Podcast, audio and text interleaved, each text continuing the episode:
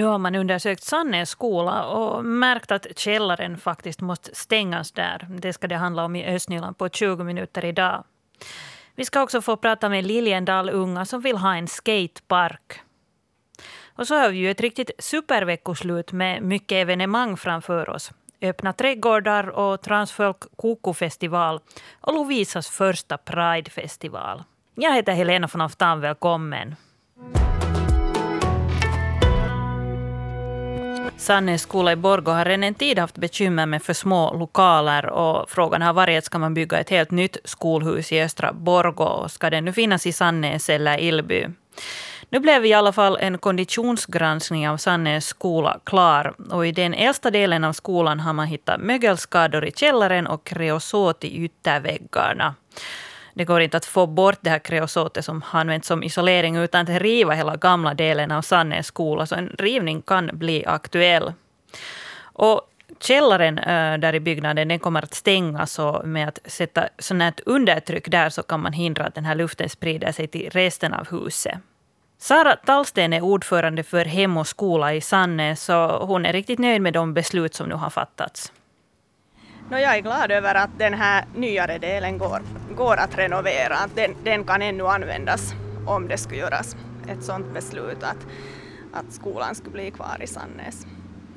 Att den här äldre delen har vi nog varit medvetna om att, att kanske inte i prima skick. Så att, att, men att det är ju bra att, att den här delen som som nya delen som är byggd på 1980-talet som innehåller gymnastiksal och slöjdsal och matsal, att den går att bevara. Att, att det upplever jag att, att skulle vara en stor inbesparing om man skulle kunna utnyttja de utrymmena i framtiden. Så du tycker det är viktigt eftersom det är en stor inbesparing. Finns det några andra orsaker till att det är så viktigt att bevara den nya delen?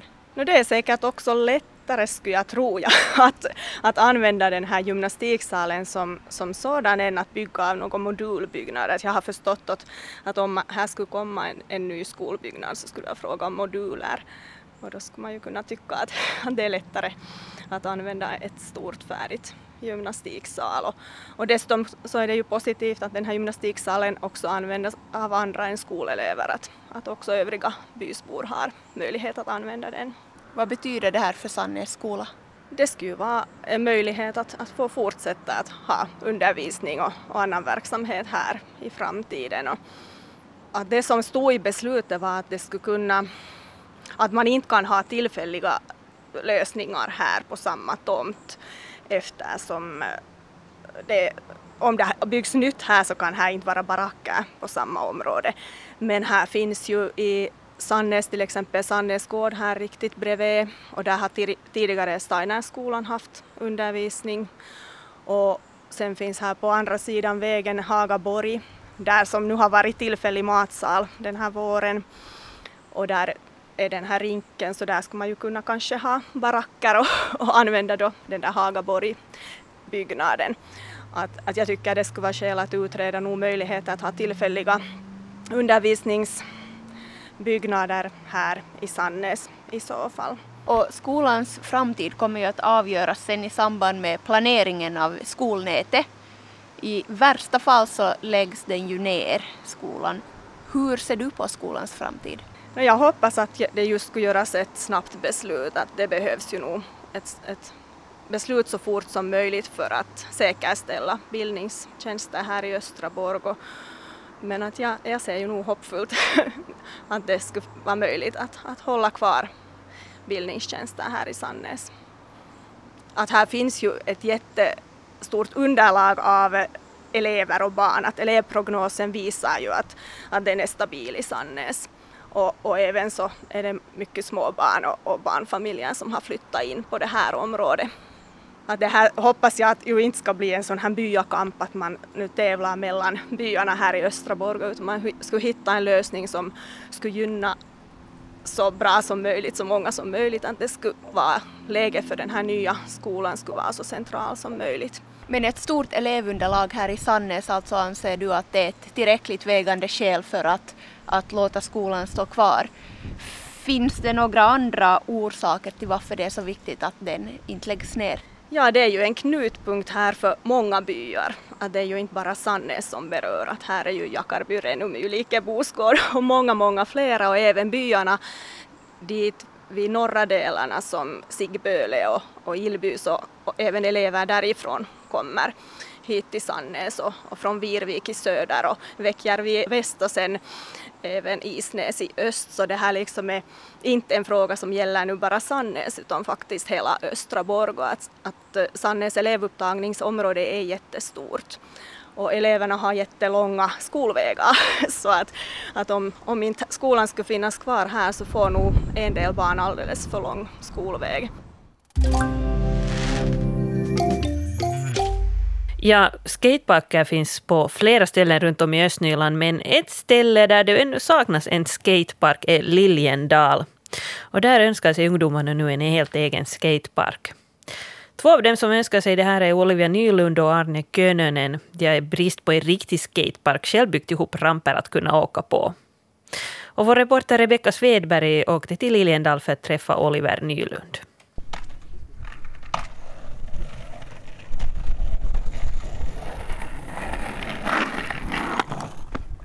Där rullar Oliver Nylund fram. Berätta lite, vad är det här för en plats som vi är på? No, det här är en sån där isrink hit i Liljendal som vi nu har byggt själva ramper och saker i. Varför behöver man en, en sån här ramp? Nå, att skata vi för inte har man något annat att skata vi heller för att uh, hit inte finns en skatepark. Vad är det som ni har byggt? Här är en bänk och lite plankor och... Ja, här är en bänk. Sen har vi, när skolan renoverades så tog vi plankor dit från en sån här konto så har vi, nu har vi de här plankorna här och bygger av de här vi har sett dem och lutat mot bänken och åka ner för dem och åka upp på dem. Vad man nu allt kan hitta på att göra med det. I brist på en riktig skatepark har Oliver Nylund och Arne Könönen byggt ihop egna ramper att åka på. Pojkarna önskar sig ändå en ordentlig skatepark, vilken de även har jobbat en del för. Nyligen skrev Könönen ett Facebook-inlägg i en grupp för Liljendalbor där han frågar ifall det skulle vara möjligt att få en skatepark till Liljendal. Jag skrev det för att vi skulle kunna få en skatepark till Liljendal när vi inte brukar ha något att göra så, men vi får inte skjuts så ska liksom till någon annan skatepark när, närmaste Lappträsk och sen är det Louise och finns det och Borgåmen inte får vi så ofta skjuts så och det är inte så bra att skata i Liljendal. Nylund berättar att även han har gjort en hel del för att försöka få en skatepark till Liljendal. Vi har nog gjort allt möjligt redan. Sett i, jag har sett i personligt, personligt det där meddelande till det där Lovisa stad men de har inte svarat åt mig. Och sen det där har vi det där vi har via skolan har vi en sån att man sätter namn på papper och sen alla sätter namn på papper som vill ha en skatepark hit och allt sånt så inte vet jag nu vad man numera kan göra till den saken. Kirsi Kinnunen, direktör för Centralen Bildning och välfärd på Lovisa stad, berättar att en skatepark i Liljendal har diskuterats men att saken har behandlats innan hon började arbeta på Lovisa stad. Vad jag vet så tyvärr finns det inga pe pengar detta år för skateparken i Liljendal.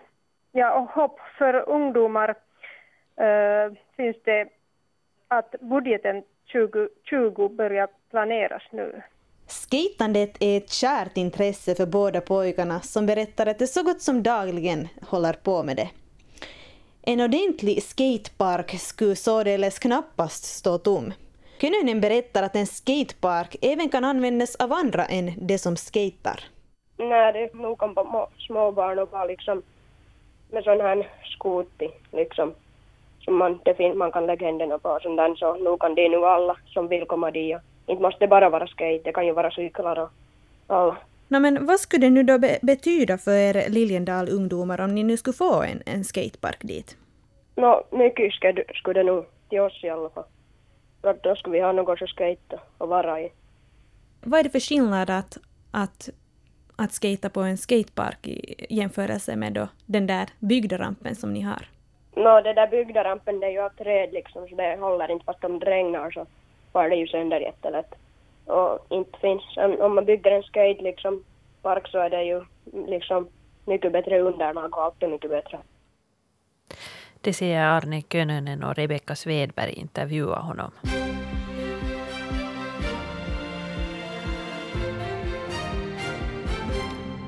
Klockan är halv tio och det blir nyheter från Östnyland. Jag heter Victoria Rikonen. God fredagsmorgon. Nedskräpade avfallsstationer kostar mycket pengar för Roskenroll. Förra året kostade städningen av avfallspunkterna 48 000 euro i östra Nyland. De vanligaste problemen är att man lämnar avfall på fel ställe eller utanför avfallskärlet. En vanlig avfallsbil kan inte ta med extra avfall utan det måste hämtas separat. Roll har övervakningskameror på avfallspunkterna och de kan skicka en faktura på sorteringskostnader per post. I år har man till, fram till början av juni redan skickat ut 80 fakturor till personer som missbrukat avfallspunkterna. Planerna på vindkraftsparken i Tetom i Lovisa har fått in 19 åsikter och 10 utlåtanden. Det skriver tidningen Östnyland. Tiden för att lämna in åsikterna om planerna på vindkraftsparken gick ut på måndagen. Bland åsikterna finns en namnlista med kring 200 namn som är mot vindkraftsparken. Det är ännu oklart hur man kommer att gå vidare, men i höst har man troligtvis ett utkast på planen. Vid årsskiftet räknar man med att planen ska vara klar för godkännande. Av de nya studiebostäderna i Alexanderskronan i Borgo är nästan alla uthyrda. På hösten kommer det att finnas få lägenheter att hyra för den som börjar studera. Detta på grund av att det innan sommaren var få som sade upp sina lägenheter. A-bolagen Stepporiski säger att delade studiebostäder är minst populära, men då det inte finns andra lediga lägenheter går även de åt. I framtiden kommer bostäderna vara avsedda främst för studerande vid Haga Helias campus. Mortensby i Sibbo får inget fibernät. Det är andelslaget Martnet som har jobbat för att få fibernät till Mortensby. Målet var att få 130 hushåll att ansluta sig till projektet innan slutet av april. Det var ändå bara 45 hushåll som skrev under kontraktet. Det är för få för att det skulle vara ekonomiskt möjligt att bygga fibernät i Mortensby. Andelslaget Martnet kommer ändå att fortsätta sin verksamhet. Man hoppas att det ska finnas mer intresse under de kommande åren. Sipon Sanomat var först med nyheten. Och det är ju så här att Transfolk Koko-festivalen den kulminerar nu den här veckan i Lovisa. Och på lördag ska det bli Lovisas första Pride-parad och på lördag kan man också gå på en sån här bastukonsert i den här eh, Sauna Obscura som Pontus pratade om här före låten. Men vi ska jämföra tillbaka till Kino Marilyn i Lovisa med Pontus. Vi ska prata med Freja Bäckman. Hon är alltså en konstnär som ska ha en performance här under uh, veckoslutet. Uh, det är en ganska intressant grej med, eh, som handlar om att hugga ved. Men Freja Bäckman, du får gärna berätta själv mer. Att vad handlar den här, det här uh, konstverket om, eller utställningen? Ja, det är en um, del av en serie som jag har jobbat med under uh, senaste åren som heter I was told I chop wood like a ballet dancer det är del av liksom en, en undersökning om att jobba i kollektiva formationer. Så att jobba tillsammans, vara tillsammans, göra saker tillsammans. Och här under Transfolk Kukku så på lördag eftermiddag mellan två och sex så kommer det att vara två stycken öppna så här, vedhuggningssessioner som folk är, är hjärtligt välkomna att, att komma och delta i. Det har varit ett sätt för mig att undersöka vad som händer när vi, när vi är och jobbar tillsammans.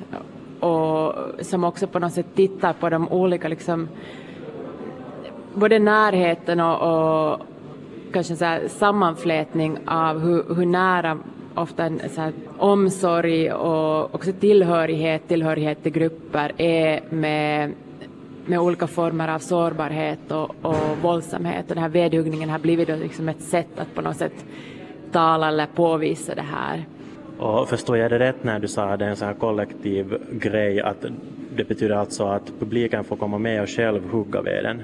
Ja, precis. Ja. Ja, och sen tänkte jag att vi skulle övergå lite till att prata om Pride. Det är ju Lovisas första Pride-parad nu på lördagen. Och kurator Hedi Lunabba, kan du berätta lite mer om, om det? Att, hur ser liksom upplägget ut för det?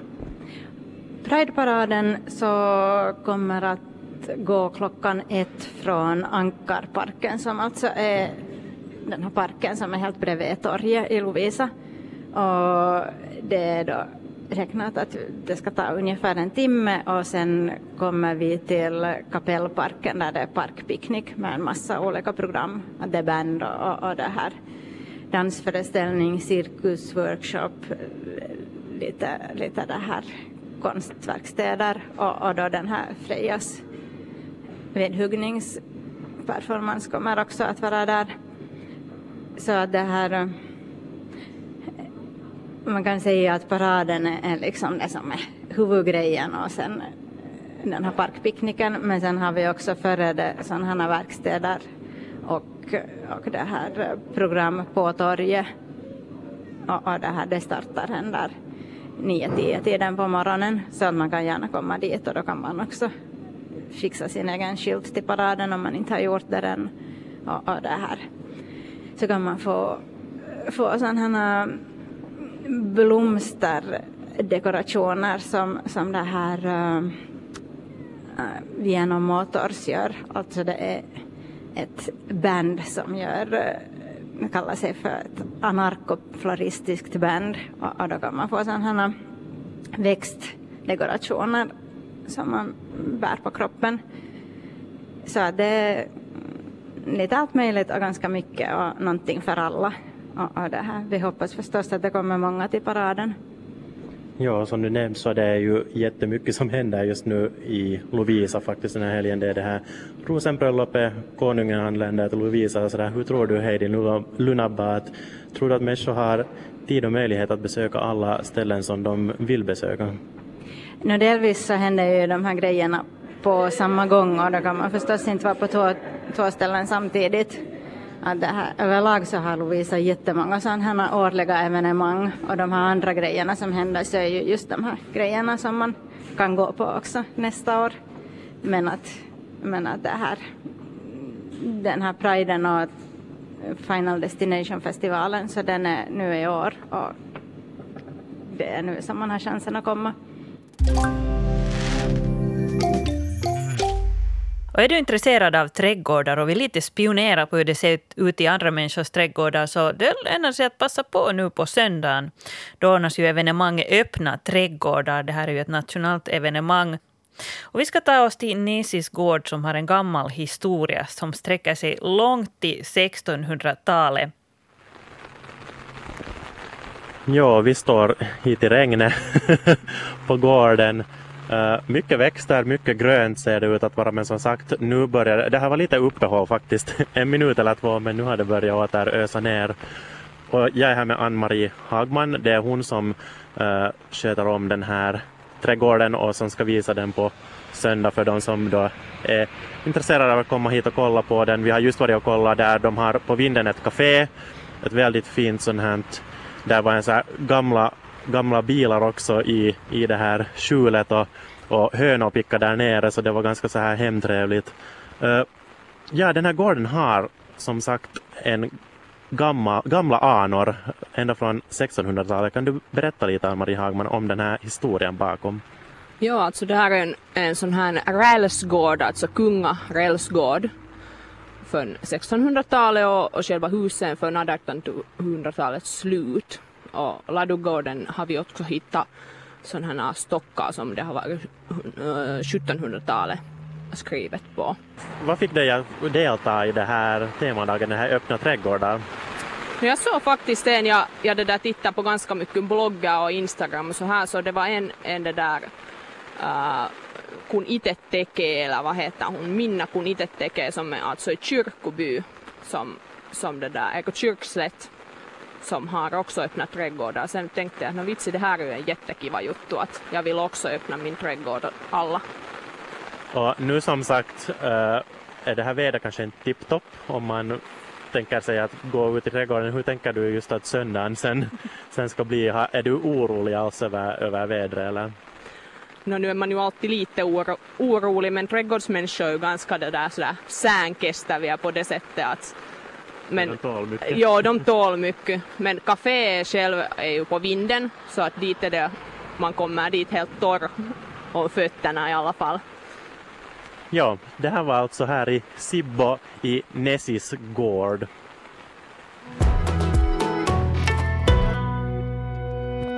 Östnyland på 20 minuter, en svenska Yle podcast. Jag heter Helena von Alftan.